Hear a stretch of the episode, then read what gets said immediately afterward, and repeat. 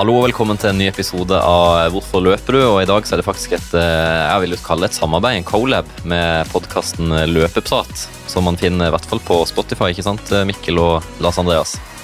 Det stemmer. Ja, Velkommen til min pod. Tusen takk. Jeg har jo eh, hørt litt på dere, og dere har eh, mye erfaring. Og eh, vi er jo alle tre veldig Vi er jo nerder på løping. Så jeg tenkte at uh, i og med at vi skal ha en litt sånn Q&A-episode i dag, så var det ypperlig å, at dere takka ja til å stille opp her, så jeg får litt hjelp til å svare på diverse spørsmål. Vi har jo fått mye spørsmål vi skal gjennom.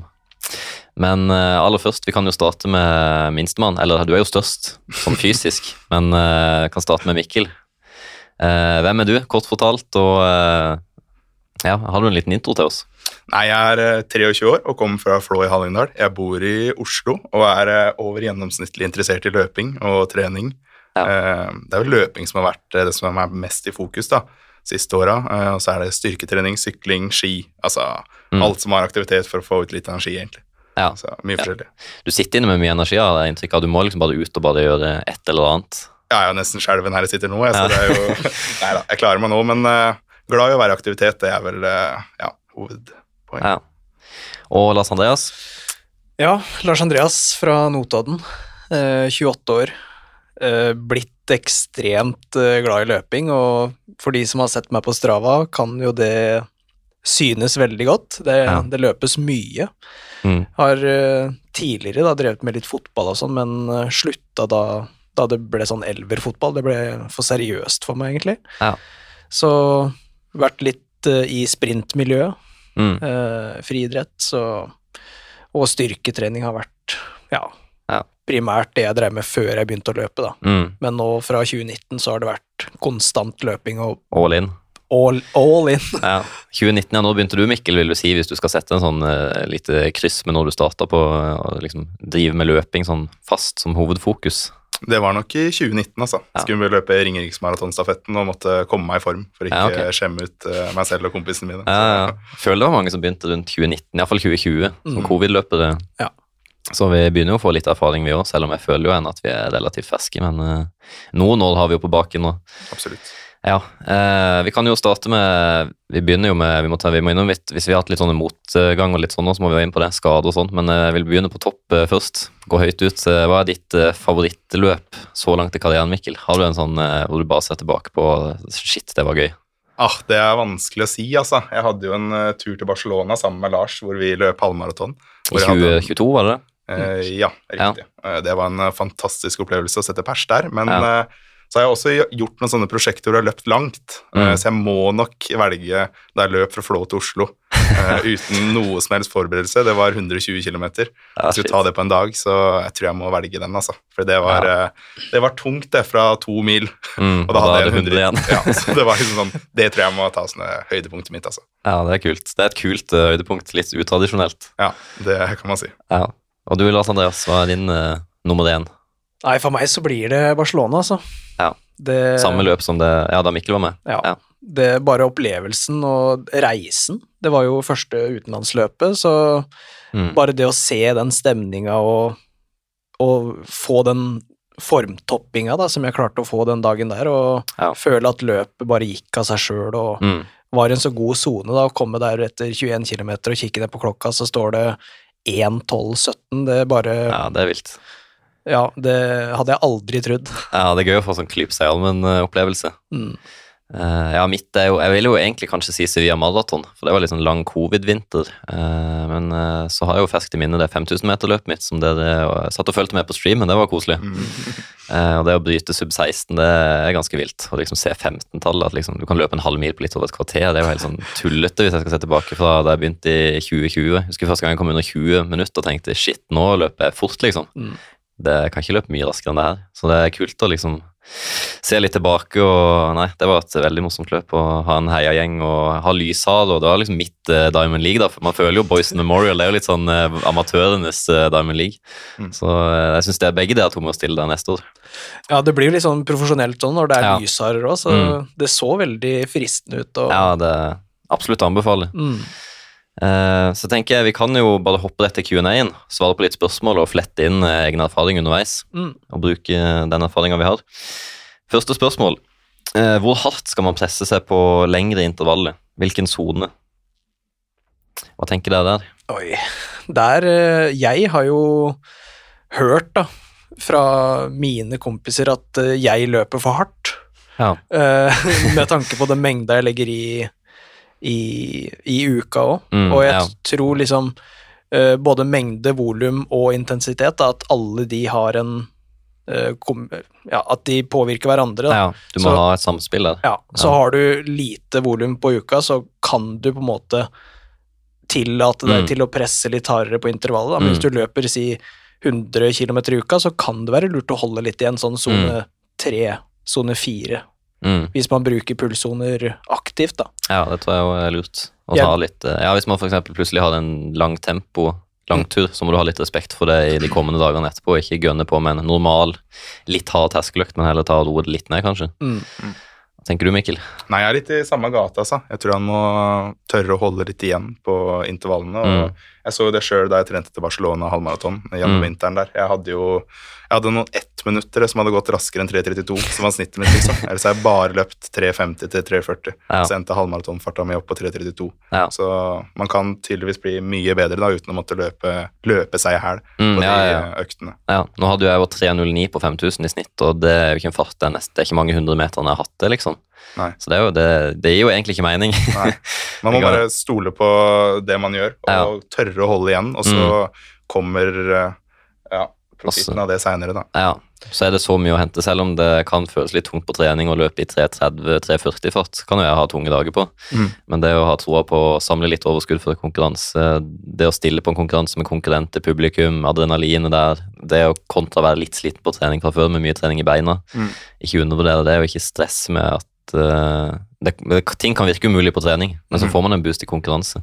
Det er veldig mange som trener kun etter fart, da. Og hvis Ja. du liksom skal løpe Ja, ja. 10 km fart hver Mm. eneste dag på trening, altså det er jo ikke det er jo ikke den 10 km farta du har den Nei. dagen, liksom. Det Og er, ikke er det så gøy heller, syns jeg, for det har jeg gjort, jeg har gjort det sjøl òg. det er knallhardt. Ja, det er kjempetungt. Så jeg gjorde jo det lenge, nesten helt til jeg kom i SK Vidar for litt over et år siden. Så de Mm. første to årene under covid, da det var mye sololøping, så var jeg litt sånn Ja, jeg skal klare 35 på mila, da må jeg kanskje ha 3,30 da på Ja. 1000-meterne. Mm. Og ikke var det så veldig gøy. Man har jo lyst til å trekke seg på fjerde-femte dag, og eh, ja, det blir ikke så lystbetont heller i lengden.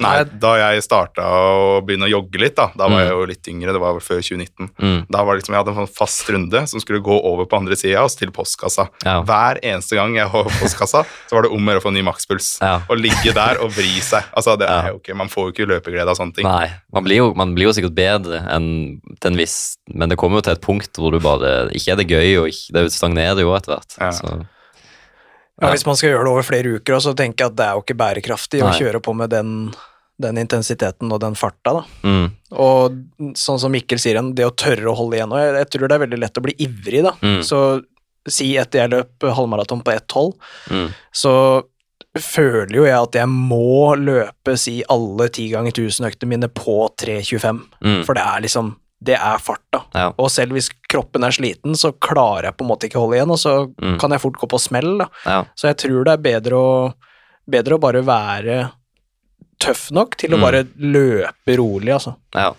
Så må man også ikke glemme det at 3.25 det gjør du i Barcelona med freshe bein, du har lada opp, du har Mm. fullt batteri. Så det tilsvarer kanskje 3.35 da på trening, eller kanskje 3.40, for du har litt Mm. tunge bein, du er litt tung i huet. Du har ikke det overskuddet, så det blir litt feil å trene ut ifra konkurransefarter du skal ha. Ja. For du er mye mer sliten på trening. Mm. Eh, og så det er også litt sånn Når vi trener i SK Vidar, for eksempel, så kan vi snakke sammen. Ikke sånne fulle setninger og sånn på terskel, men vi kan prate Mm. små ord til hverandre underveis, og det skal føles litt tungt, men langt ifra krise. Mm. Så det er den der balansegangen der. Det med, ja. Så jeg tror mange som trener, særlig alene, trener litt for hardt. Mm. Eh, neste spørsmål.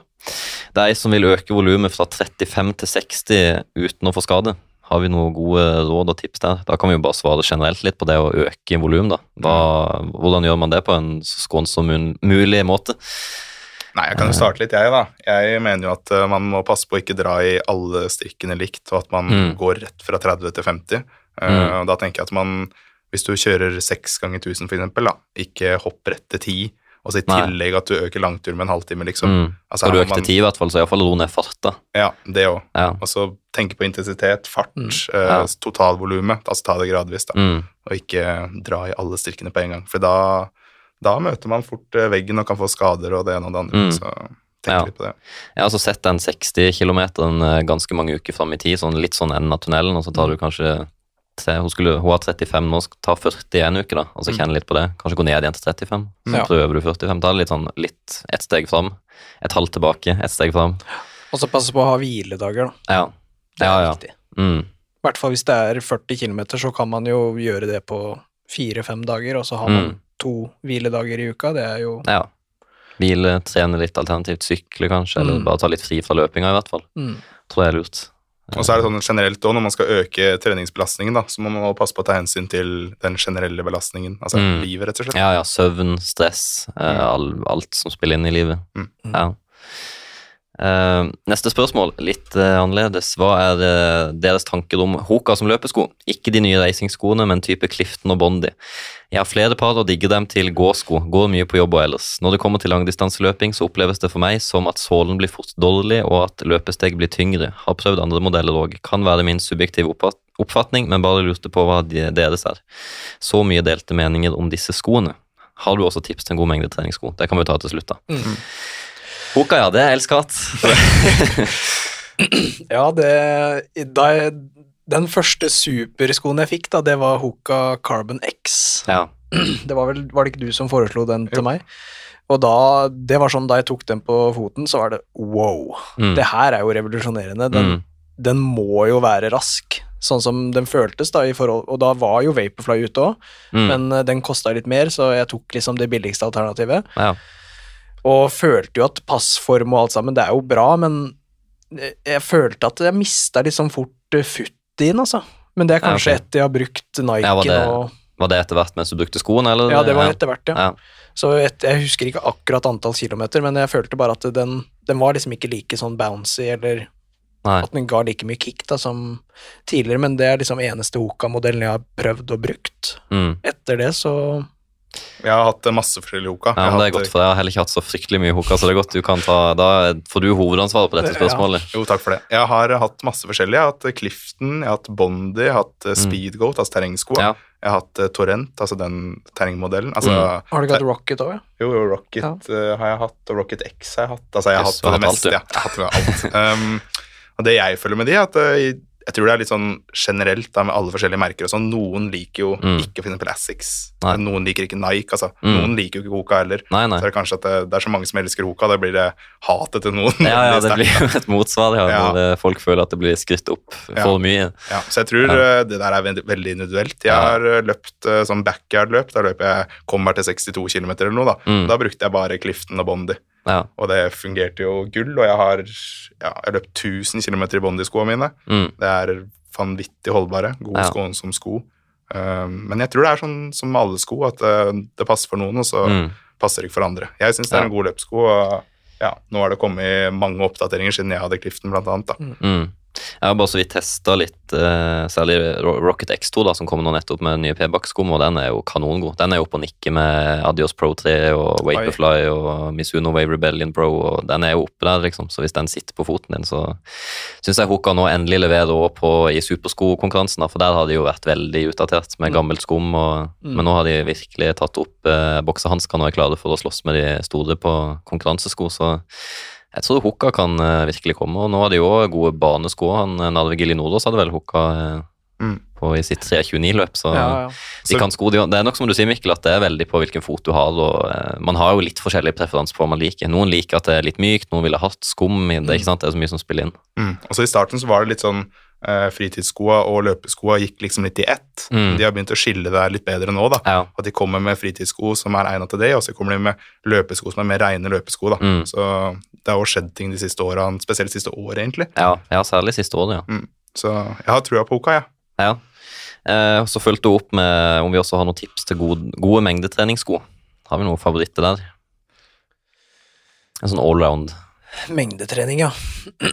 Jeg kan jo Nike Infinity Run 3 har jo vært en vinner for meg. Mm. Nå har jeg kjøpt uh, Saucony Triumph 20, Ja. Og den føles ekstremt god. Mm. Og fra tidligere versjoner, da, sånn jeg hadde vel 18 eller 17, Ja, den brukte jeg vel i 2000 km, Yes. og den så fin ut under. Ja, okay. Og passform, den er ganske brei, så Ja. for min fot da, så er den veldig, veldig Mm. god. De kommer jo til og med i wide-utgave òg nå, eh, hvis man har veldig bred fot. Så har Såkon i eh, alternativ til det, da. Mm. Eh, ja. Eh, litt Ja, Puma kan jeg jo nevne. Forever Run. Den har jeg solgt ganske mye av på løpelabbet. Den uh, blir veldig godt tatt imot. Uh, Puma Grippen, sålen til Puma, er jo veldig holdbar. Så der kan jeg også slenge på Deviate Nitro. treningsmodellen til litt raskere type trening, da, men det er jo fortsatt en mengde sko. Tatt den på rolig tur og 1000 meter og uh, Supercomp Trainer, hvis man skal unne seg litt luksus fra New Balance. Det er jo en monstertrøkk av en sko, men ekstremt skånsom. Og den er med på litt fart òg, takket være karbonplata. Mm. Uh, Essex Nova Blast er jo fin. Allround-sko. Mm. Den er brukt på firemilstur i marka og uh, litt raskere drag og ja. Så nei, man må jo bare finne noe som passer sin fot, tenker jeg. Mm. Jeg, Så har, er det eh, ekstremt mye å velge om dagen. jeg er litt enig med Lars. Den Infinity Run er veldig bra. Ja. Uh, Samme med Invincible. Ja, Den har jeg løper jeg jo 120 km i fra Flå til Oslo. Så ja det var den, du hadde der, ja. Den har jeg Skånsom virkelig, sko. virkelig på testa. Ja, Uh, og så er jeg veldig fan nå av On sin uh, Ja. Cloud Surfer. Jeg har jo aldri sett på ånd som egentlig løpesko. Jeg tenkte bare hva i alle dager er det her for noe? Liksom. jeg så litt rar ut og Ja. ja. Men nå tok jeg og prøvde et par, og de er helt fantastiske. Så de funker for meg, og det jeg syns er litt viktig da, når det gjelder treningssko og sånn, er at jeg vil skille litt mellom en mengdetreningssko og en intervallsko. Så jeg har Ja. ikke lyst på en mengdetreningssko f.eks. som Supercomp Trainer, da, som selvfølgelig Mm. er fantastisk, Ja. men den gir så sykt mye energiretur. Uh, Ja, syns men jeg, jeg da. føler, ja, men det går an å dasse i den skoen, faktisk. Ja. Eh, jeg føler liksom kontra en Primex, som er mye mer aggressiv i Mm. utforminga, den, den er vanskelig å løpe rolig. Den Mm. vil liksom virkelig dytte deg fram. Men ja, Supercompen den er jo kanskje litt Den er jo med på farta. Ja, Du vil ha enda mer dassing eh, uten plate og Jeg vil at man må jobbe litt, Ja. eh, man må løpe litt, liksom, Ja. ikke bare flyte på skoen. da. Nei. Det syns jeg er viktig. Men eh, ja, jeg syns den er veldig kjekk å ha dagen etter en litt sånn terskeløkt, hvor du bare skal ut og bare sanke noen kilometer og kose deg med en pod. Syns jeg den er fin. Absolutt. Men når Ja. man ikke løper så mye, vet du, sånn, sånn som Nei. jeg gjør, så er det ikke så nøye. Nei, nei, nei. uh, neste spørsmål. Uh, ja, det er faktisk tips til rolige langturer med en sko, da. Mm. Eh, det har vi jo for så vidt svart på. Eh, og så er det ei som skriver Du nevnte i sist pod, og når du begynte å trene for å komme under 40 på mila og kjørte 1000 meter på fire blank med livet som innsats. Jeg føler jeg er litt der du var, og lurer på hva du gjorde annerledes derfra. Jeg gønner 1000 meter med ønsket 10K-fart, men det utgjør ikke den helt store forskjellen. Hadde 41,37 på mila nå sist, og kunne trengt litt hjelp på veien. Eh, Jeg kunne også tenke meg å høre hvordan vi da definerer terskelfart, eh, puls, laktat, opplevd følelse. Ja, hun vil liksom bare ha litt hjelp, hun trenger hjelp. For det funker ikke. Eh, Hun står og stanger på 41 og vil under 40. Jeg tenker jo her som vi nevnte litt i stad, det å tørre å holde litt igjen. Mm, Det som som vi sa, ja. Sånn som du prøvde i starten da Mm. du starta løpet, å gønne på på fire blankt. Ja. Det, det er ikke sikkert at det er fasiten, kanskje på litt kortere distanser, men når du skal opp på ti kilometer, så blir det ja. Så er liksom det volumet litt viktig òg, da. Mm. Det gikk jo akkurat for min del, men det var ikke så veldig gøy. eh, Eller det var gøy å klare det. Ja. Men oppkjøringa og sånn var jo ikke noe Det var jo bare vondt, liksom. Det var Ja. ikke koste meg ikke på trening i det hele tatt. Det var bare pyton. Men eh, Så ja, det er jo mye mer eh, fornuftig og skånsomt og mindre risiko å Mm. bare ta seg litt god tid og ikke stresse og Ja, altså det å være tålmodig, da, for Ja. det, det målet sub 40, det kan, om det skal komme om fem måneder eller Mm. et år, Mm. det må liksom den personen sjøl bestemme, men mm, man må være tålmodig her, og så Ja. legge inn riktig med trening, og så litt roligere enn fire blank, da kanskje 4.24,30 på, Mm. Ja, jeg tenker noe rundt deg, ja. på Hvis det er 1000 meter Mm. Personen her ville løpe, Ja. så Hvis hun skal på død og liv løpe fire blank, så ta den ned til 400 meter Mm, da, og ta ti drag, liksom, bare for å kjenne litt og få fire kilometer i den konkurransefarten. Det kan jo være en sånn eh, testøkt fem, seks, syv dager før, mm. bare for å se om det kan eh, gå, tenker jeg. Og så er det jo bedre det å starte i 4.30, og så kan du heller kjøre Ja. progressivt, da, altså Mm. 4.25 4,20, 4,20. kanskje avslutte ned mot 4,10, men Ja. man trenger ikke noe mer enn det. Det er ikke Nei. noe vits. Det som er viktig, er jo å få volumet opp, Mm. egentlig, og da Mm. tilpasse farta deretter. Ja. Og da blir det ikke så pyton nå, for jeg husker jeg kunne jo gått Nei, jeg venter en dag til. Nei, jeg venter to dager til før jeg gadd å gjøre det igjen, liksom. For det var jo vondt, liksom. Det er jo maks 10 km. Det er jo ti km fart på en god dag. mm. Så nei, ro ned, ro ned litt. En, en fem ganger 1000 eh, konkurransefart er jo mye hardere enn en ti ganger 1000 terskel. Ja, ja, ja. Det er noe helt annet. Mm. Ja. Eh, på Strava er det egentlig greit å legge ut korte økter på 1-10 minutter, f.eks. 1 km transportsykkel. Det er det spørsmålet jeg som har kommet med. Ja. Fordi jeg blir litt som Jeg blir den som forbanna når jeg er på Strava, og det er altså spam Ja. av sånn én kilometer sykling, altså, altså én kilometer jogg, altså fem minutter aktivitet. Altså, nå får jeg sikkert mange haters her, men det, Mister du mye følgere på Strava? ja, det gjør jeg nok. Men uh, her må jeg bare, det her må jeg bare spørre om. Ja, nei, eh, jeg tenker at jeg tenker, Selv under Holmenkollstafetten da visste jeg at ok, her blir det litt sånn småsnutter her og der, men da beklager jeg litt sånn på forhånd, og så skjer det ikke for ofte. Så det er bare sånn, ok, sorry, dette skal bare skje i dag. Mm. Så jeg føler Hvis du unnskylder det litt, så syns jeg det er greit, for min del. Men hvis du hver eneste dag legger ut at du har sykla én kilometer, liksom, og det da spammer feeden min Ja, da- altså, Da, da tenker jeg at man kan heller bare spare det, og så legger man ut uh, manuelt da, på søndag. Mm. Ja, det går an. Mm. Men det er jo noen som har lyst til å bare vise at de har dratt fra den plassen til den plassen, da, så Mm. jeg legger jo ut masse økter på tirsdag og torsdag hvis jeg har uh, dobbeltøkt, blant annet. Da blir Ja. det jo oppvarming, så er det økta, så er det Ja, ja. nedjogg, Ja. og så kommer det kvelden. Oppvarming, økta og nedjogg, og det blir liksom Hva syns du om det, Mikkel? Eh, nei, altså, det går jo greit, altså, Ja. men det, det går litt utover de andre følgerne mine, for det blir så sjukt mye fra én Ja, person. Du nesten uh, ikke orker å scrolle ned til de som bare deler én økt? Nei, og da vil jeg gjerne komme med et lite tips, ja. En liten sånn brannfakkel i den saken her. Ja. Eh, og det- Debatten som du har satt i gang. Jeg prøver å skape en debatt her, men dere er så defensive. Um, og det er at man kan skjule økta uten å slette økta, og da syns den på sin egen feed og i statistikken, Ja. men den kommer ikke ut på feeden. ja, det er smart. Og for eksempel en oppvarming og nedjogg, det kan man slette hvis man ikke er veldig opptatt av kartet. Hvis det er rundt på banen, da, så kan du slette oppvarming av nedjoggen. Så kan du trykke på, trykke på plusstegn oppe til venstre. Der kan du lage en manuell økt, legge de to sammen til én, Ja. og legge ut eventuelt skjulende. Ja, det, det er smått. Mm. Jeg har, jeg har starta med det, faktisk. Og i tillegg så kan man gå inn på PC-en sin på Strava og legge sammen to økter til én. Oi. Virkelig revolusjonerende her nå, så jeg håper at folk tar det Det har jeg tipset. fått Ja. høre mange ganger, men jeg har liksom aldri skjønt helt hvordan jeg skal gjøre det, og bare det tiltaket om å gå på Google og Ja, inn på se, PC-en, ja, eller PC-en på og se der, hvordan jeg skal gjøre det, det er sånn Ja, da bare legger jeg ut det, så får dem heller bare mute meg eller noe sånt. Det går jo an, det òg. Det går an, det jo. Ja, men uh, virker som flere trenger der, så kanskje jeg skal sette opp et lite kurs på Strava-kurs med Mikkel. Ja, Ja. mulig jeg må det.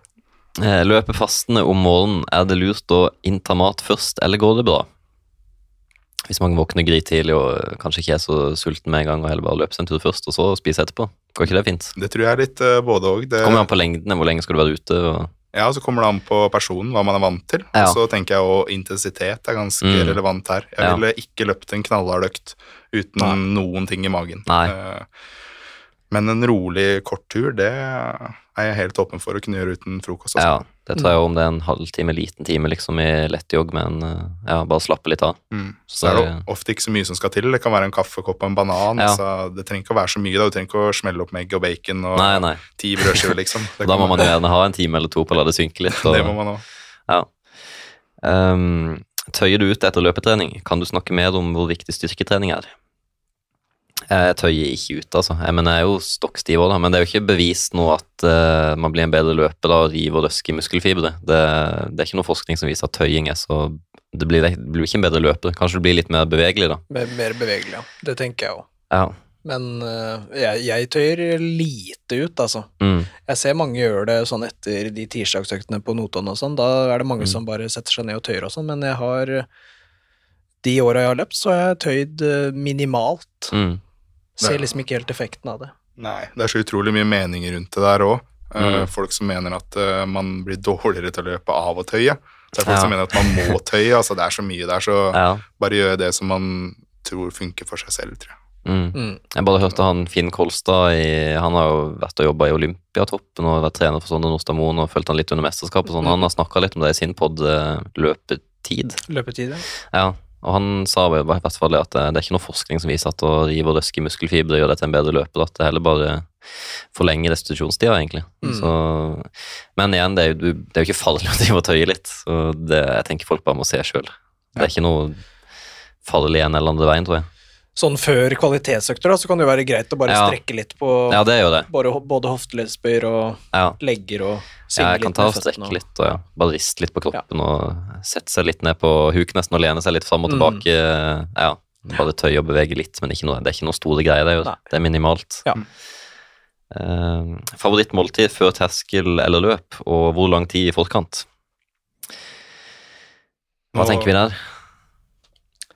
Favorittmåltid, ja. Jeg eh, Før en god terskeløkt da, eller et løp, da? Ja. Noe, ja. eh, Før terskeløkt så er jeg veldig glad i kanelbolle. ja. Får du energi? Ja, jeg gjør det. Ja. Eh, og før løp så helst noe lett, da. Pasta eller Ja. pasta, egentlig. Mm. De fleste løpa jeg løper, er jo på morgenen, så da er det egentlig bare noe fint brød med noe Nugatti og Mm. kanskje banan eller Ja, ting. noe sånn sjokoladepålegg, noe sukker, syltetøy. Ja, Mm, sylt. noe Ja. lett. Men jeg syns de derre Når det er løp, for eksempel på si klokka ett, da. Jeg syns Mm. det er litt sånn vanskelig. Ja, det er vanskelig. Mm.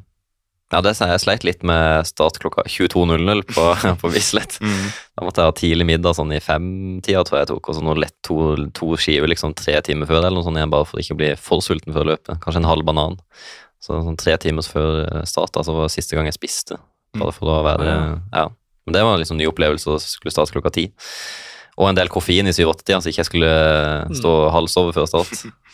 Men jeg har favorittmåltid. Jeg tenker litt sånn som det, det er bare noe lett å ikke overtenke. Uh, før en maraton da, så er man jo veldig opptatt av å ikke gå eh, tom. Men Mm. man skal jo heller ikke spise seg stappa full så du står og nesten gulper mat før start. Så det er jo sånn balansegang. Ja. Før løp, eh, når en ofte er litt sånn nervøs og sånn, da, som Mm. jeg er på morgenen også, pleier jeg ofte å kaste i meg en gel, ja. Ja. En sånn liten gel. Ja. Få litt uh, i meg. Ja, Jeg gjorde faktisk det et kvarter 20 minutter før start i Barcelona, så tok jeg en uh, Morten Gell. Mm. ja. Eh, og så hadde jeg tre stykker underveis i løpet, så da var det jo fire totalt. da. Eller var det to av dem med under løpet? Nei, jeg hadde kanskje bare én. jeg husker ikke. To hadde jeg kanskje med. Jeg har ikke så mye gels. Jeg er ikke sånn gelspiser, men noen har jo med syv, åtte, ni, ti liksom på ja. Å sluke gel hver 20 minutt, men det er ikke helt der heller. Det blir, da blir jeg litt for eh, full i magen. Ja, på halvmaraton så har jeg ingen erfaring med gel. Da Nei. er det bare vann, egentlig. Ja. Men på maraton så har jeg jo prøvd, og den ene gangen i Oslo så fikk jeg jo så ble jeg så kvalm at eh, Ja, Var det Morten-gelen, eller? eh, det var Fuel of Norway. Ja. Du må Husker ha ikke Morten-gel, akkurat- en kapsle, liksom. Den er mer skånsom for magen. Det er noe med Ja. kapsling i den teknologien til Morten da, som skal være Som ikke tar så særlig på magen. da. Den er veldig Ja. snill mot tarmen og systemet. Reklame for Morten. for Morten. Når vi er inne på det der, da, så vil jeg jo slå et slag for at eh, man må teste ut de produktene ja, ja. man skal bruke Ja. i et løp. Sånn som Mm. det kan jo du skrive under på, Lars. Ja. på Ja. Man må prøve ut Ja. de produktene man skal bruke i I litt, i litt intensitet. Absolutt. Mm. Når du presser systemet litt eh, på fart. Ikke på en rolig jogg heller, men eh, ja. Jo, jeg hadde en vanlig Morten et kvarter før start, så hadde jeg en med koffein etter 8-9 km. Det var det jeg hadde. For å få litt denne koffeinkick eh, mot slutten av løpet. Og det funka ganske bra. Eh, hvordan ville du trent til første fullmaraton? Har løpt halv flere ganger med god flyt. Godt utgangspunkt. Ja, det vil jeg jo si. Det er jo bare å kanskje ha noen to-tre turer hvor du har eh, litt roligere fart enn du har på disse halvmaratonturene dine, og så komme deg opp på 25 og kanskje en gang til 30, Mm. kanskje. Ja. Noe sånt. En varighet på rundt tre timer tror jeg er en sånn grei regel. da. Ja. At man har noen turer på den, Mm. ja, rundt den tida der. ja, så du får kjent litt på den følelsen av å bikke halvmaratondistansen. Ja. Kjenne litt på det. Og det å være ute en For du skal Et maraton er ekstre... Det er langt. Selv Ja. om Mikkel på sida har løpt 120 km, så Ja. jeg tror han hadde syntes syns eh, maraton er langt, selv om Ja, Det er jo en annen måte å løpe på igjen. det er det. For da skal du, man skal jo ha litt fart. Man skal ikke gå. Mm. Så det er viktig å ta fram her at man må ha litt lengre drag og Mm. intervaller i Ja. maratonfart. For det blir jo helt noe annet enn å løpe en tre timer tur Mm. rolig, da. Ja. Kjøre litt sånn 5-4-3-2-1 kilometer. Mm. Ha litt sånn lange drag Mm. med mye roligere fart enn man har på disse 1000-meterne og, og 2000-meterne. Mm. Um, Her òg, da, å passe på det der med at eh, maratonfart på trening er ikke nødvendigvis eh, samme som du kommer til å ha i konkurransen. Fordi hvis du trener eh, på 3,40, da, at det er maratonfarta di, og så tror du at du kan gjøre det hver dag på trening, liksom. Mm. Det blir hardt, altså, Ja, når det er ja. så lange drag. Så ja, det vær forsiktig med intensitet og fart, da. Ja, jeg tenker man kan jo starte en på sånn 5-4-3-2-1, starte godt eh, litt sakte den maratonfart, og så jobber du deg inn mot maratonfart. Så Mm. den føles ganske behagelig, og du får masse volum. Ta en kilometer flytpause mellom hver, eh, bare for å bygge volum og kjenne litt på farta. Det Mm. tror jeg var en sånn gulløkt som ikke koster kjempemye, selv om det er høyt volum. Um, neste spørsmål. Største verdien av å kunne løpe? Den er vanskelig. Ja, den er vanskelig. Største verdien, hvis man skal plukke ut den ene tingen. Jeg tenker sånn, jeg, tar, jeg tror jeg håper Jeg håper jeg har lyst til å fortsette å løpe litt etter jeg ikke kan perse lenger, liksom. Mm. Jeg håper jo ikke det er hovedgrunnen, selv om det er kjempegøy å perse. Så Ja, for min del da, så er det den avkoblinga, egentlig, ja. fra hverdagen. Mm, pausen i livet. Ja, egentlig. Ja. Jeg syns òg det er veldig deilig. Ja, Mm. det er litt samme hos meg, altså, den psykiske. At det er vanvittig deilig å komme seg ut. Mm. Trenger ikke å tenke på så mye av ting som er stress. Og det er bare en podkast eller ingenting. Bare høre på byen eller naturen rundt seg. Det er jo sykt deilig. Avkobling. Avkoblinga. Og det er jo 70-80 av treninga med løping. Mm. Det er jo ofte bare den der rolige koseturen. Det er det. Men vi snakker veldig mye om de 20 med, som liksom er nøkkelen til å bli god i løping. Mm. Glemmer man litt eh, som mesteparten som bare er sånn koseløping som skal gå i sånn snakketempo. Mm. Det er jo egentlig det beste med løping. Hadde det vært kjedelig, så tror jeg ikke jeg hadde orka å drive med løping. Nei. Så det å lære seg å nyte den, og så begynne å trene intervall og litt hardt ved siden av. Det er viktig å ikke miste den følelsen der, sjøl Ja. om man er, liksom er besatt av på f.eks. sub 40. da. Ja, Mm. At eh, det ikke går utover den løpebredden som ligger i bånn. ja. Og da løper du fort litt lapskaus, litt for fort på rolig tur, da, for du er så opphengt i det her. Og jeg skal klare det 40, det må gå fort, det kan ikke gå rolig her heller. Det så, Mm. så ja, senke skuldrene på rolig tur. Mm. Det er jeg veldig opptatt av, særlig nå om dagen. Det sleit jeg òg med en periode, at det liksom var gjerne så firetallet i snitt på en kupert eh, rolig tur, liksom. Det Mm. trenger jeg ikke. Må se 5.30, det er fint, det. Bare bli klar til neste terskeløkt. Ja. Hvis du er litt dårlig på det der, da, så kan det lønne seg å komme seg ut med en som er litt dårligere enn deg selv, Mm. som du veit løper saktere. Ja, Så har man så har man en buffer der. Ja. Ehm, gjør du noe form for alternativ trening? Uh, digger podkasten. Christian Ulriksen neste gang? spørsmålstegn. Må jo få med Ulle her en gang. Det var gøy. Mm. Uh, ja, alternativ trening. Det kan, jeg kan snakke litt om det òg, men uh, Mikkel er jo Han er best på det. Han er best på det, ja. Nei, men nå er vi over på en sånn Nå er jeg jo så mye alternativt at jeg jo nesten ikke løper. Nei, så nå er vi litt nesten kommet- dette ut av løpinga, du. Ja. Men jeg har ekstremt troa på det der eh, å ha alternativ trening for å f.eks. øke treningsmengden. da. Eh, Mm. Det er jeg veldig trua på. Sånn rulleski, ski, Mm. eh, noen sykkelturer her og der. er Ja, Absolutt ikke sånn som. Pål snakka om i første episoden her Ja, i podden. Han er jo veldig fan av det og ser litt til triatlonguttene særlig, som Mm. Gønner på med mye annet. Ja. Så langrennsgutta er jo ekstremt gode til å løpe. Til å Mm. løpe så Ja, lite, liksom. Ja, ja. Mm. Så ikke undervurdere de tinga der. Nei. Eh, og så er vi over på styrketrening. Der har jo du, Morten, hatt ekstremt mye gode resultater, så kanskje du skal dra på den litt. Ja, jeg starta jo med det litt sånn ordentlig fast i midten av januar, rett etter alle disse nyttårsforsett-folkene, så det var jo smekkfulle trening, treningssenter, men jeg klarte å stå i det to ganger i uka, én time hver gang, og så bare trene kjernemuskulatur. Eh, Knebøy, markløft, ettbens markløft, Mm. eh, bulgarsk utfall, litt sånn tung styrke, få reps. Bli gjennomsterk, rett og slett, med god teknikk og fokus på det. Og det kjenner jeg jo har gitt utslag på Jeg har veldig lite vondt. Det er bare noe småvondte her og der som man, alltid, som man nesten ikke kommer unna. Men jeg har kunnet trent uh, ustoppelig egentlig siden da. Det var bare litt sånn Sykdom kommer man jo heller ikke unna, men generelt veldig lite skader. Mye mer trøkk i steget, faller ikke sammen. Jeg tror ikke jeg hadde stått det løpet, i det 1547-løpet, like bra fra 3000 og inn uten styrketreninga. Det er jeg helt sikker på at det, da klarer jeg liksom å stå i steget, selv om jeg begynner å bli sliten og nesten Mm. klapper sammen, så klarer jeg å holde inn. Mm. For de er mye sterkere i hofte, rygg, mage, legg. Alt er jo vanvittig mye sterkere enn bare for et år siden. Mm. Så jeg syns jo styrketrening, da, så hvis ikke du har begynt med det, da har du en gullgruve hvor du kan grave ut mye gull i. Jeg tror det kan gi ekstremt mye. Ja, ja, ja, Definitivt. de nye, nye skoene òg, så blir man Ja. jo så sjukt skåna Mm. i beina, Ja. siden de er så myke. Så Eh, Men januar og februar, det var seigt. Det å løpe terskel med muskelfibre som er i sjokk Jeg følte jeg hadde lim i musklene, altså. Mm. Terskelfart, det var, det var seige greier. Én til to dager etter styrketreninga. Men eh, du må bare være tålmodig, og ettersom ukene går, så blir det litt og litt lettere. Og så når du bikker to-tre måneder, så får du virkelig effekten av det. Mm. Så det er veldig dritt i to måneder. det er det. Så det må man bare være forberedt på at uh, du kommer til å føle deg som en kjempedårlig løper i et par uker, nei, et par måneder etterpå, minst. Uh, men det er så verdt det. så er det litt Det er jo verdt det med det hverdagslige òg. Altså, Ja, ja. Det blir jo veldig ensformig å bare løpe. Mm. Så gjøre litt forskjellig, at kroppen Ja. får litt uh, annen stimuli. Ja, det er faktisk veldig deilig. Mm.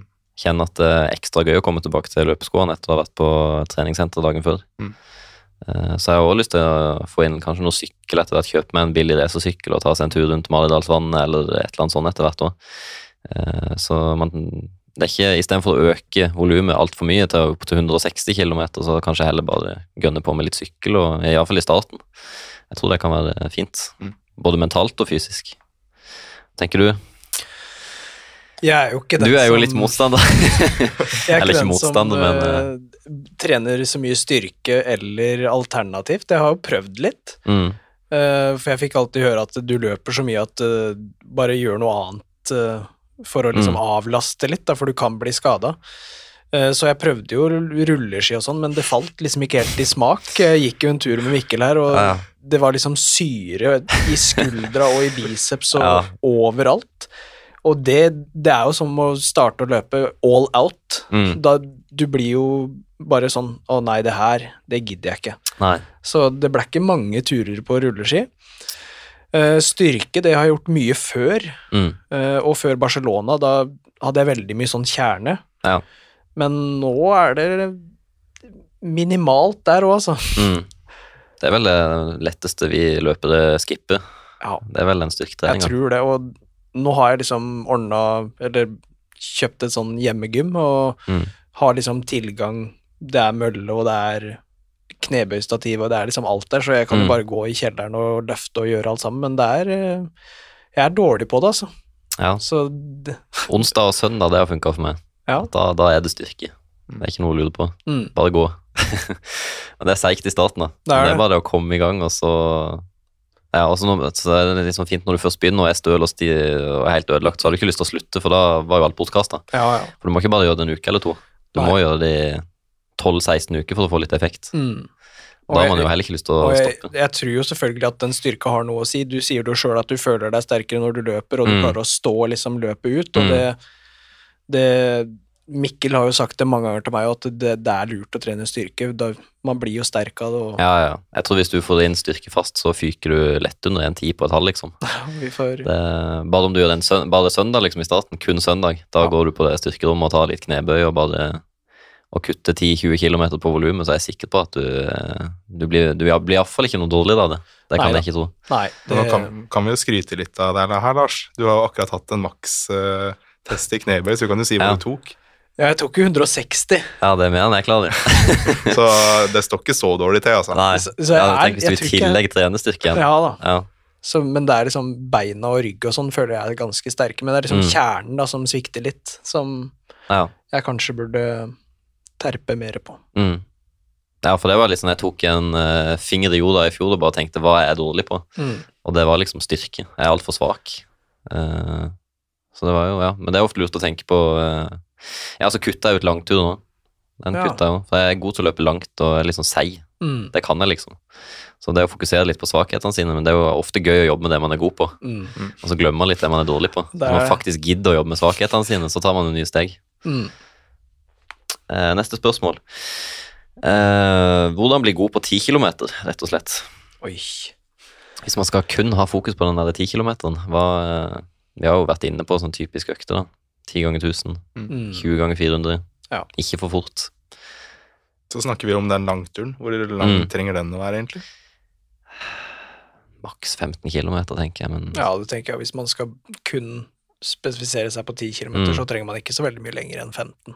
nei. Hvis ikke man er glad i langtur, så bare ta 20 år hvis man har lyst, Ja. men uh... Så mekanisk trenger man egentlig ikke mer enn 15. nei, Sånn. det tror jeg ikke. Så er det ikke vondt å løpe to timer heller. Nei. Nei. Det er jo bare et pluss, det òg. Mm. Men ja. Eh, ja, vi har jo på en måte synsa litt innom det. Vi snakker jo mye om 10 km-trening. Mm. Det er jo mye det vi satser på, på en måte. Så kommer det så an på hva er egentlig målet. Altså, Vi kunne jo satt opp en ukesplan her, Ja. men om målet er 50 minutter eller om det er Mm. 35, liksom, så er jo Ja. treningsplanen blir jo så annerledes, da. Det er sant. Kvalitetsøkter og så videre. Eh, har dere opplevd eh, runners high? Eventuelt eh, fortelle om eh, hva og hvordan det er. Har vi hatt noen runners high her?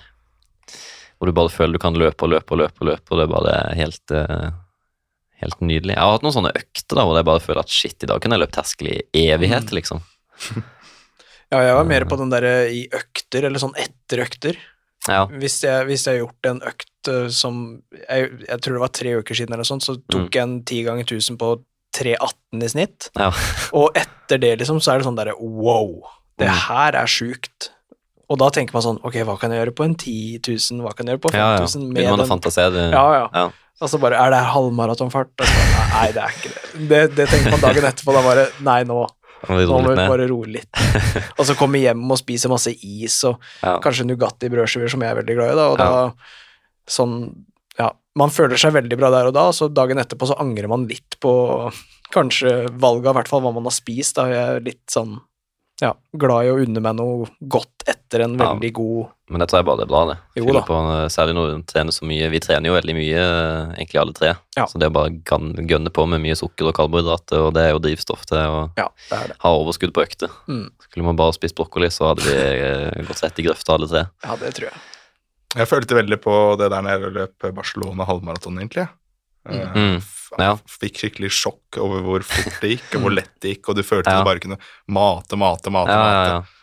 på en ja, sånn den fart kjente som jeg jo igjen i Barcelona nå i år, da. Ja. Da møtte jeg jo deg på startstreken og jeg kom jo rett fra sykdom og var veldig usikker. Tenkte sånn, ja shit, det spørs om jeg tar pesten min, liksom. Og så gikk jeg ut i bare løp på følelsen, så så jeg liksom klokka 3.31, 3.32, Mm. 3.31, så tenkte jeg, jeg må, jeg må roe ned nå, Ro ned. Og så roer jeg ned, følte jeg. Mm. Men det var liksom bare lå og dunka hele tida, føltes fint, og jeg hadde vel 3.32 i snitt eller noe sånt.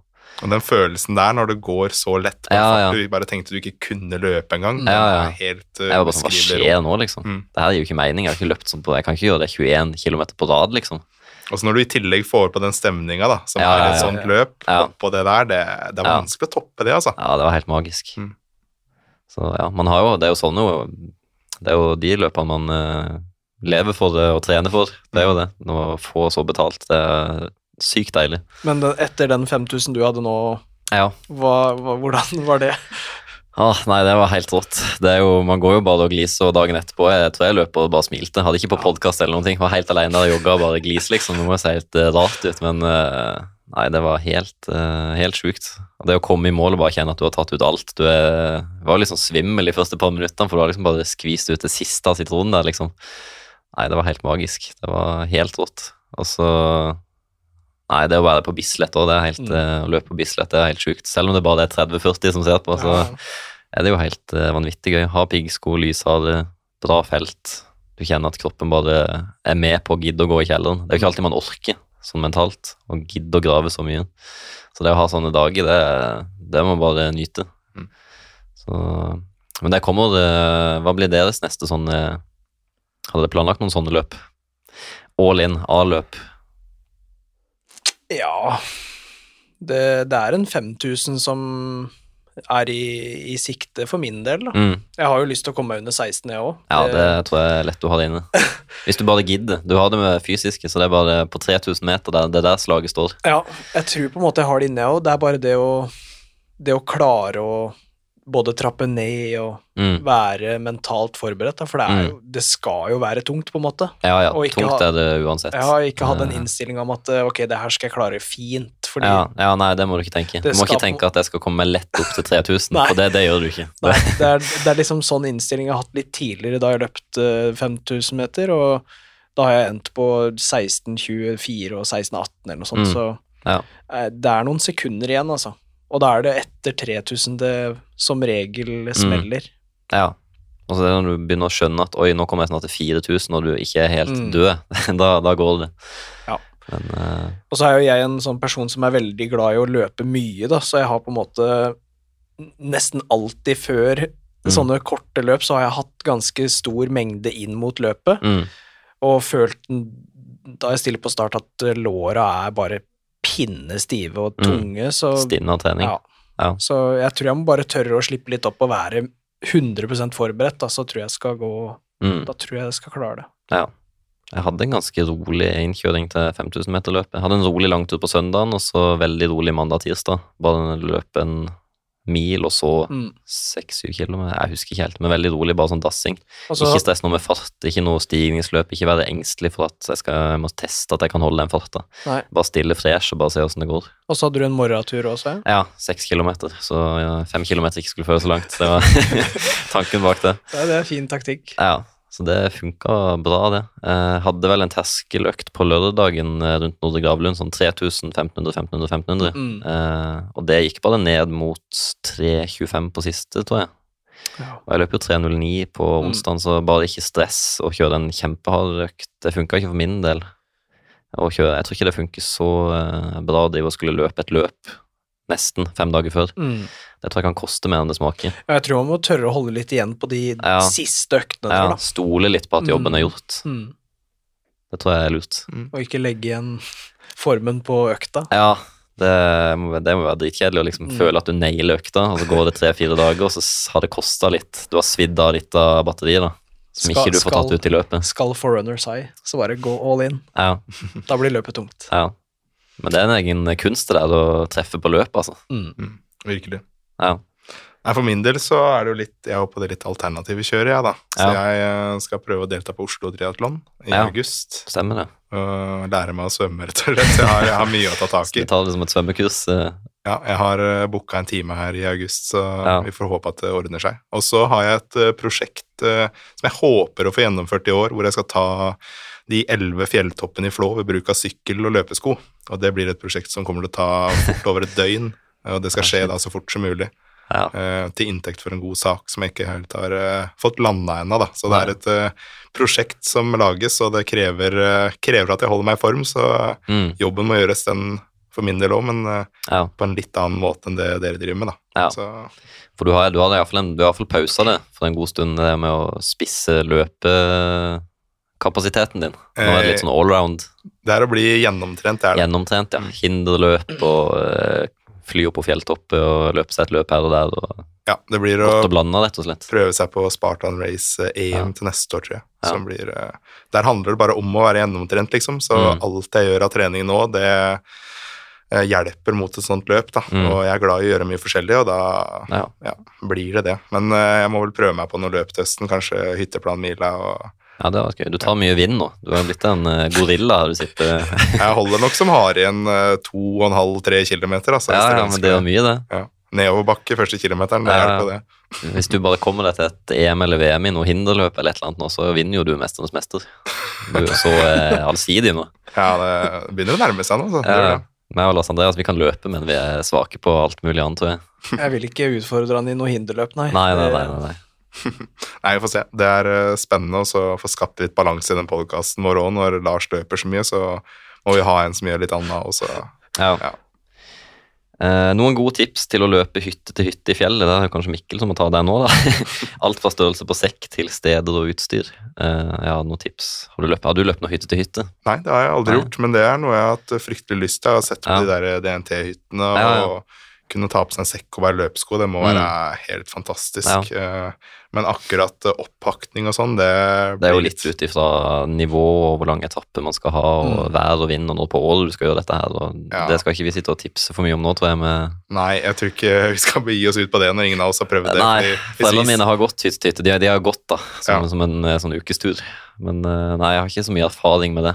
Nei, jeg tror hvis vi sender ut noen på tur, og de ikke kommer seg hjem igjen, det, det står jeg ikke til ansvar for. Så. Nei, jeg tror vi skal styre litt unna den der, men ja. god tur. Eh, trener du det, du slash dere kun for å bli bedre, eller også kan vi, ha, kan vi unne oss noe som kan skrive kule i anførselstegn, kule økter som kanskje ikke gir effekt? Mikkel, du er jo glad i sånne stunts i hvert fall. Ja, jeg er veldig glad i det. Men og Eh, Lars Andreas som er sånn standard eh, gjøreøkter som kanskje gir oss noe, ikke, vi skeier ikke ut så mye, føler jeg. Nei. Nei, men jeg gjorde egentlig ikke det heller da jeg trente mot Barcelona Hall. Da Nei. var jeg litt mer sånn Sånn oss. Ja, da kom jeg litt inn på det, men nå er jeg litt sånn gjør det man har lyst til, og gjør det Ja. som gir glede, liksom. For Ja, ja, det viktigste oppi det her er jo treningsgleden Mm. Og aktivitetsgleden. Så gjør det man har litt lyst til, og så hvis det frister å løpe fem timer, da, men det nødvendigvis ikke er så bra når du satser mot 5000, liksom, så gjør nå det, da. Så lenge det ikke er uka før du skal på et løp, liksom. Mm. Ja, ja. Ja. Tenker litt at vi skal jo ikke til OL eller VM uansett, så Nei, jeg- bare gjøre det man syns er gøy i livet, ja, fysisk aktivitet. tror det er viktig for Ja, ikke ja. miste den treningsgleden, at eh, Mm. ting blir altfor seriøst. da. Ja. Det har jeg jo sagt til meg sjøl òg, at hvis jeg får en kjempelang periode hvor løping bare er dritt, så kan jeg jo eventuelt bare finne noe annet. Klatring, hva som helst, liksom. Bare finn det som er gøy. Mm. Ikke, være, ikke låse seg for mye og løpe seg mentalt i senk fordi man bare ja, blir for konkurransestyrt eller et eller annet. Men bare alltid ha den der gleden i bånn. Det tror jeg er viktig. Mm. Også på det nivået vi er, da, som de fleste er, så er vi jo så dårlige at alt av trening hjelper jo, liksom. Ja, det er det, er jo, det er jo sant. Ja, ja, ja. Vi er jo ikke Jakob, liksom. Nei. Det er, Jeg er vel en fem-seks minutter bak han på mil, altså. ja, så det meste vi gjør av trening, da, det kommer jo til å hjelpe. Så Ja. Det sant. gjør det du syns er gøy, og så Ja. behold treningsgleden. Ja. Gjør heller noe som er gøy, og så er det ikke så farlig om du taper noen sekunder på den ti kilometeren, liksom. Det, det har jo, spiller jo ingen rolle. Nei. Um, hvor skadelig er det for beina å kun løpe på asfalt?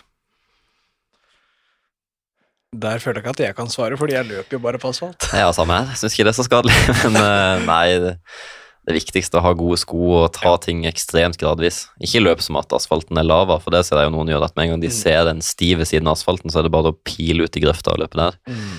Eh, Men man, igjen så skal man jo ha litt, ha litt respekt for eh, sitt eget nivå og ha utstyr på plass, og ikke, ikke bare kjøpe deg nye sko og tenke at nå har jeg gode sko, nå skal jeg løpe en mil fordi jeg har gode sko, men Mm. eh, lytt til kroppen underveis. Får du vondt i en hofte, vent til hofta er restituert. Ja. To, tre, fire, tar det fem dager, så tar det fem dager Så er det eh, jo- for å løpe igjen. Det er jo mykere å løpe på grus, og hvis du er vant Ja. til kun løpe på grus, da, hvis du løper seks mil i uka på grus, Mm. og så flytter du plutselig midt i Oslo, da, hvor det ikke kanskje Mm. er en grusvei, så det Ha er- litt respekt for det. Ja, Mm. Jeg tror det. Ja. Og så kan det kanskje være greit å ha flere par løpesko, da. Variere litt på, Ja. på de. Mm. Litt forskjellig type dropp som aktiviserer muskler litt forskjellig. Og Mm. Ja, bare ta det veldig gradvis, og ikke gjør heller litt for lite enn litt for mye, tenker jeg. Mm, For hvis du mm. først blir skada, så tar det jo fort litt tid. Um, skal vi se Hvis du måtte bruke én løpesko på alle økter og konkurranse resten av livet, men fikk tilgang på et ubegrensa antall av denne skoen, hvilken hadde det blitt? Ja, Det, er, det er bra spørsmål. ja, Her må jeg gruble litt, så her får dere starte. ja Skal jeg ta og begynne? Eh, den er jækla god, den. Første jeg får opp, er jo Jeg har, blitt, jeg har egentlig alltid vært en Nike-gutt, men så har jeg etter Barcelona Mm. løpt med Adidas Adios Pro 3. Så akkurat nå er det kanskje den, under med litt luksus, da, med karbon eh, i sålen og toppskum. Men eh, For jeg må jo, jeg tenker jeg må jo ha en konkurransesko, Mm. tenker jeg. Så jeg foreløpig så jeg, jeg låser ikke svaret ennå, jeg skal høre litt på dere først. Men det er mitt svar eh, foreløpig, så skal jeg tenke litt underveis. Nei, jeg hadde nok eh, gått for Alphafly, Ja. Uh, Nike. Mm. Uh, selv om da kunne jeg jo ikke konkurrert på bane, da, siden den er jo Nei, shit, den, den forsvinner jo. ulovlig. Så. Men eh, hvis jeg kun kunne hatt én sko, så hadde det blitt Alphafly. Den er så skånsom, og jeg tror man Mm. kan Og hvis jeg får ubegrensa den, så er det jo Ja, det får du. Da er det jo bare å ta nytt par hver dag, så Stakkars Nike. Luksus. Har du landa på noe, Mikkel? Ja, det her blei vanskelig, altså. Ja. Første jeg tenker, er jo egentlig en allround-sko. eh, Sånn Ja, type jeg- Saucony Speed 3, da. Mm, Så- ja, jeg tenkte på noe sånn type først. Mm, så er det det hvis man skal på et løp, da. Ja, ja, så er det kjedelig å ha en god Da er det kjedelig å ha en god treningssko. Da vil man ha en sharp Ja. konkurransesko. Så- Box fresh. Mulig det måtte blitt en eh, Vaporfly 3, da, som jeg bare har prøvd på foten. Ja. eh, Men som kjentes ekstremt god ut. Men eh, Mm. en type Saucony Endorphin Speed, det er Åh, det var vanskelig, altså. Mm, Det var, det var bra spørsmål. Ja, det var det. Ja. ja, men Vi låser svarene på de, de skoene der, da. Ja. Fikk jeg to par, ja, da. Ja, du, sa, du svarte jo på en måte to, ja. Du lurte Ja, da, da må jeg gå for Vaporfly 3, da. Ja, jeg. Vaporfly 3, Alphafly, Adios Pro 3. Ja. Ja. Eh, jeg har jo svart på den i en tidligere podkast, men eh, dere kan jo også svare. Hvis dere skulle vært sponsa et valgfritt løpeskomerke, hvilket hadde det vært, og hvorfor? Du har snakka varmt om Hoka, Mikkel. Ville du blitt en Hoka-utøver, du og Narve Gilje Nordås? Eh, Ja, hvis de gir meg samme resultatene som han, så tar jeg den, altså. Ja, du har jo den piggskoen, det må jo være bra. Rocket X2 er jo kanonbra. Mm. Eh, åh, her var det vanskelig, det òg, altså. Adidas, Nike, New Balance har en vanvittig god skopark nå. Kanskje ikke så bra på konkurransesko, men uh, Essex, Mm. Puma skal jo satse stort nå framover eh, på løpesko. Kommer med sykt mye bra neste år. da. Mm. Så de har lyst til å ta opp kampen med Nike og Adidas. Uh, nei, hva tenker dere? For min del så tror jeg jeg hadde valgt uh, Saucony, altså. Ja, Det, det er liksom et sånn Det var det jeg starta med da jeg starta løpet, og det er et sånn enkelt merke, føler jeg. mm. Bare sånn Har du testa den eliteversjonen? Jeg har bare hatt den på foten, Ja. og det, Det skummet er jo ja, det var helt Ja. Og så har jeg jo hørt veldig Vi har jo hatt en gjest, sånn Martin Brekke, han Mm. brukte jo det i London Marathon, og han Løp under 2,30. løp under 2.30. 2.29,00 Ja. med Ulriksen, så.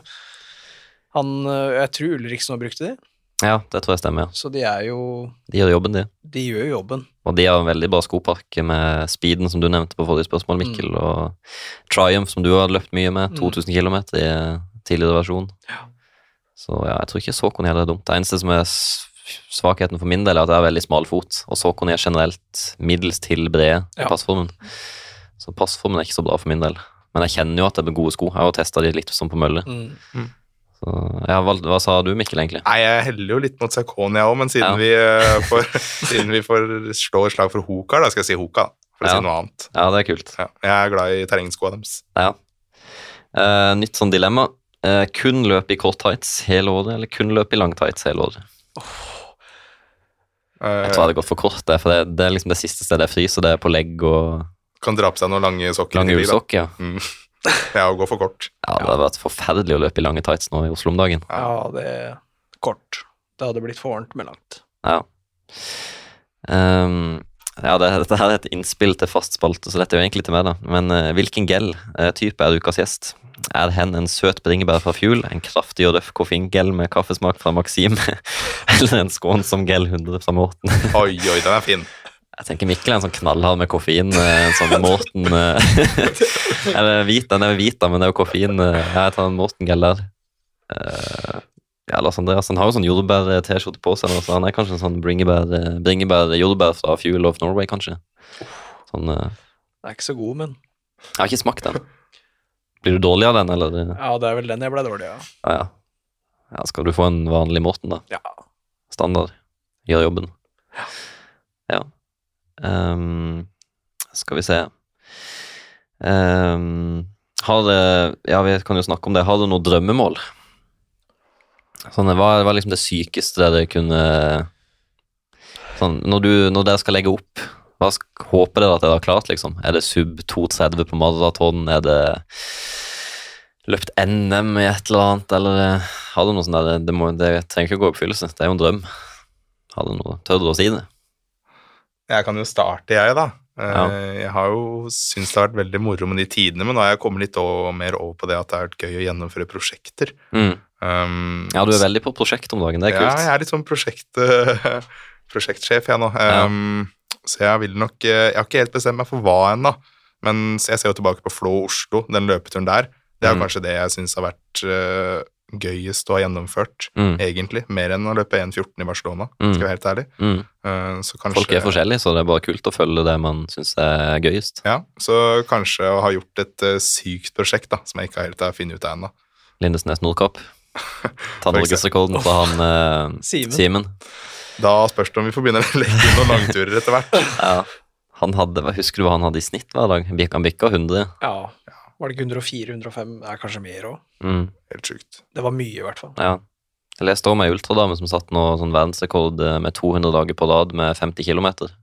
Ja. Guinness World Record eh, tror jeg hun kom i. Og eh, etter det så tok hun seg og koste seg med et maraton dagen etter det, på dag 201. 42,2. Nei, nei, nei.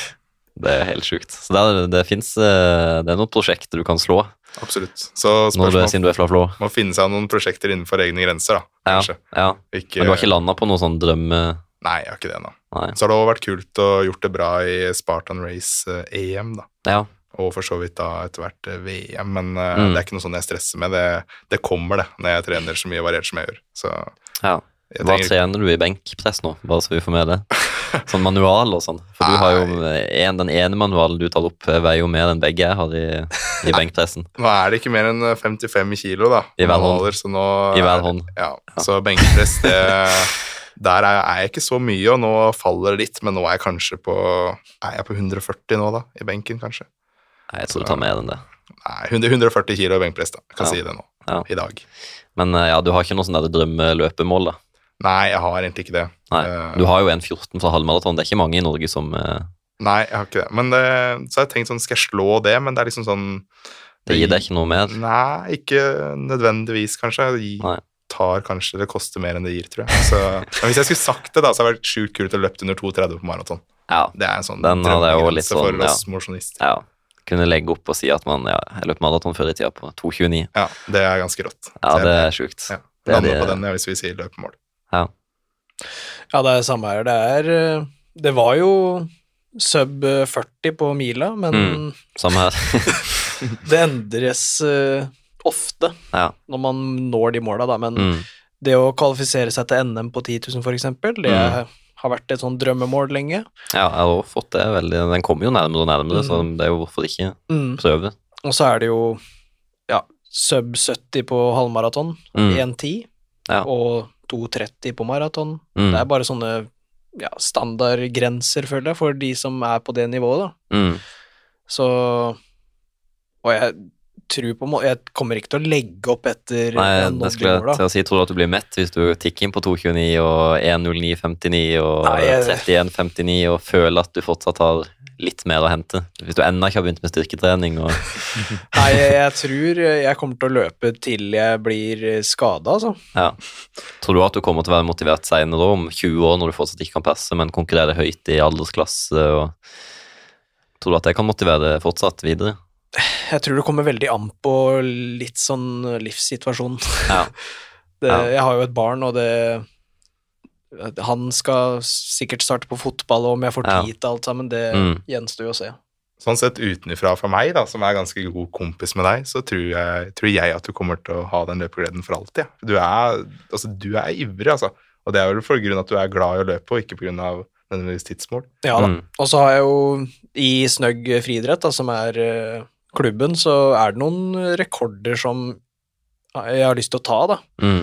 Men det er eh, nesten umulig, for vi har en som ja, driver og leker seg på både 5000, han løp 13.56 på Bislett. Ja. Er vilt, så den rekorden, den er bare å glemme. Uh, på 10 km så har han vel 29,50 Nei, 29,20 et eller annet, så Den er jo uh, Ja. Skal du si aldri. Nei da, jeg har, jeg har klubbrekorden på maraton der, da. Ja. Han knabba jo halvmaratonen min bare Ja. på en liten jogg i Drammen, så Men det er også flere rekorder, da, sånn som Ja. 100 km, og, og det Mm. er liksom litt sånn langs, langsiktig tenkning for Mm. meg, da. Det å få en god rekord på 100 km, det, har- Mm. det virker veldig gøy, da. Ja. Og vondt. Ja. ja. Så det blir liksom det neste, men jeg tør ikke gå ut på en Jeg har lyst til å prøve en 100 km nå, og bare se, Kjenne på det, liksom. ja, se hvor vondt det er, da. Mm. Og så eventuelt, etter man er ferdig med de der ja, 5000, 10 de vanlige distansene, ja. ja. så kan man liksom begynne å Ja. løpe litt lenger og få en grei klubbrekord så, som ikke han Vebjørn vil ta, da. ja. Jeg, jeg, tviler Det var jo tviler 24 timer så, da. Det er jo bare å stille opp ja, og ja. kjenne på Bislett der. Og, Ja, vi har en i klubben som har løpt eh, Så han har noen tider der, Mm. og kilometer, men jeg husker ikke akkurat. Jeg tror jeg kunne utfordre han. ja. Kanskje.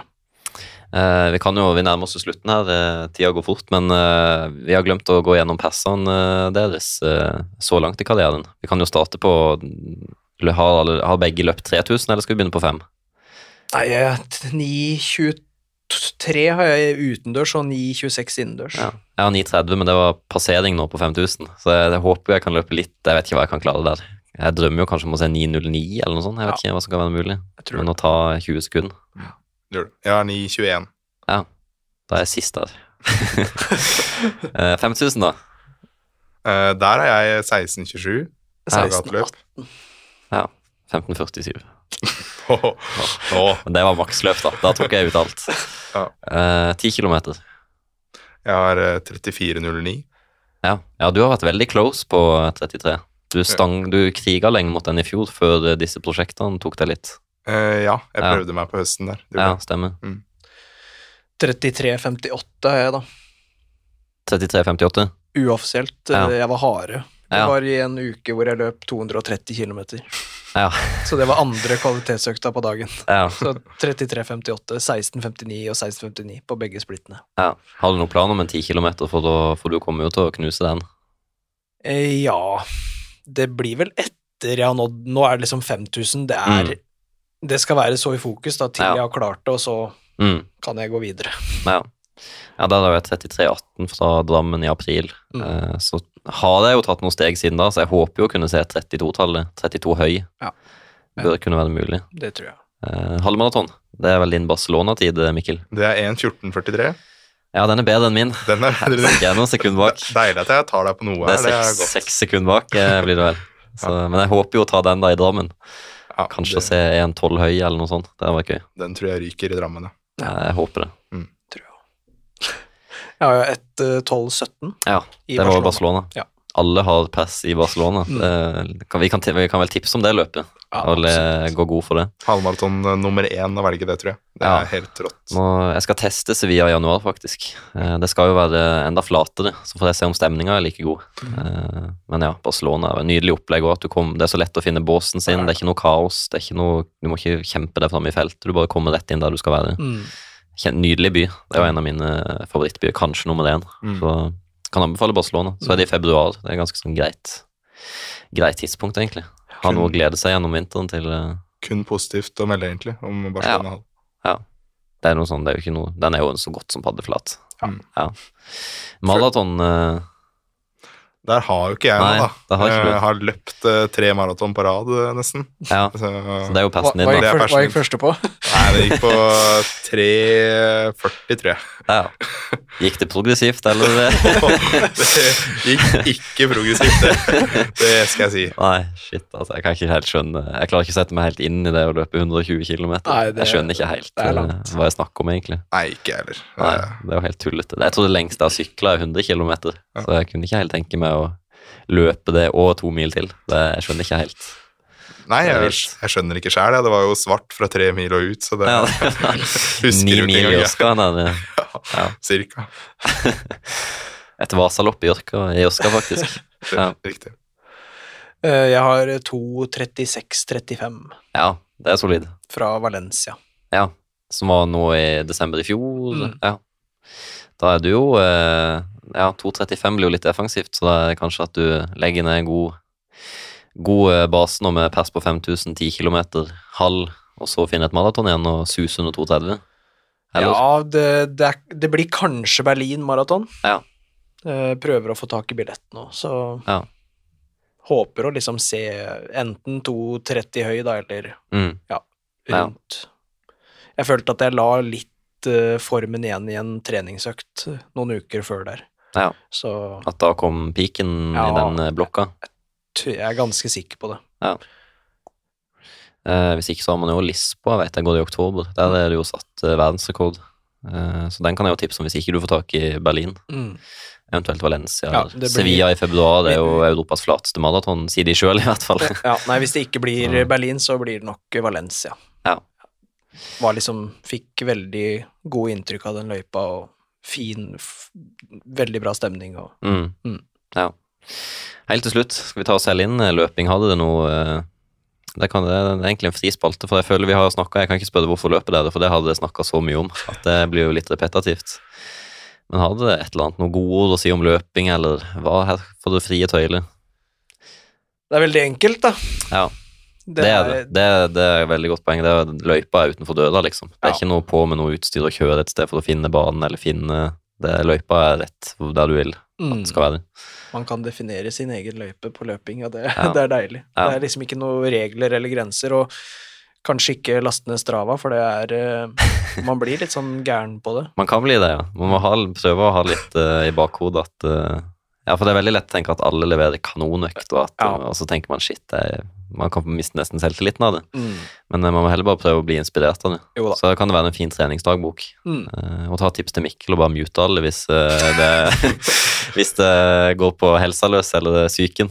Mm. Eller bare spamme Strava så Mikkel blir gæren. ja. Så får hun på døra. ja. Føler jeg får meg mange uvenner her nå. Ja. Vi får se om du får mye haters. Ja. Tar den. tar den. Ja. Så må jeg jo bare tipse alle om å høre på Løppeprat. Det er jo en sånn deilig eh, lavterskelpod eh, hvor man får følge deres eh, eh, løpsreise videre og styrke og prosjekt Ja, Mikkel er jo prosjektleder der, og Lars Andreas tar løpinga. Mm. Så har vi med oss litt forskjellige gjester og har litt ukas Ja. økt og litt nye spalter som skal inn, Mm. så vi Det skjer ting på den podkasten òg, Ja. så et fint alternativ det. Det er jo Mm. for mange veldig mange treningstimer i løpet av en uke, så Ja. fint å ha en pod på øret. Mm. Man kan jo starte på episode én. Så kom han innom eh, Jeg har jo gjesta et par ganger. Veien til Barcelona. Det var gøy. Ja, Så- du har vært med der, du. Ja. Så første episode vi hadde, skjærer vi, vi helt ut her. Men det var jo Den tror jeg ble spilt inn da jeg satt på bussen eller på T-banen eller et eller annet, så der Ja. får du jo T-baneplinging og det ene og det andre i episoden, så det er jo Ekte lavterskel. Virkelig lavterskel. Kvaliteten har blitt litt bedre, kan man si. Ja. Hvor lenge har du holdt på? over et år, siden januar i fjor. Ja. Rett før jul. Det er fortsatt ganske fersk, da. Men uh... Nei, 2021 blir det. Ja. Januar, nei, desember 2021. ja. Ja. ja, du må fortsette med den. Jeg synes det er deilig. Jeg tror mange løpere setter pris på at det er litt å velge i løpepodkastverden. Mm. Så tusen takk for at dere ville komme. Så uh... Tusen takk for at vi ble invitert. Veldig var bare hyggelig. Tusen takk.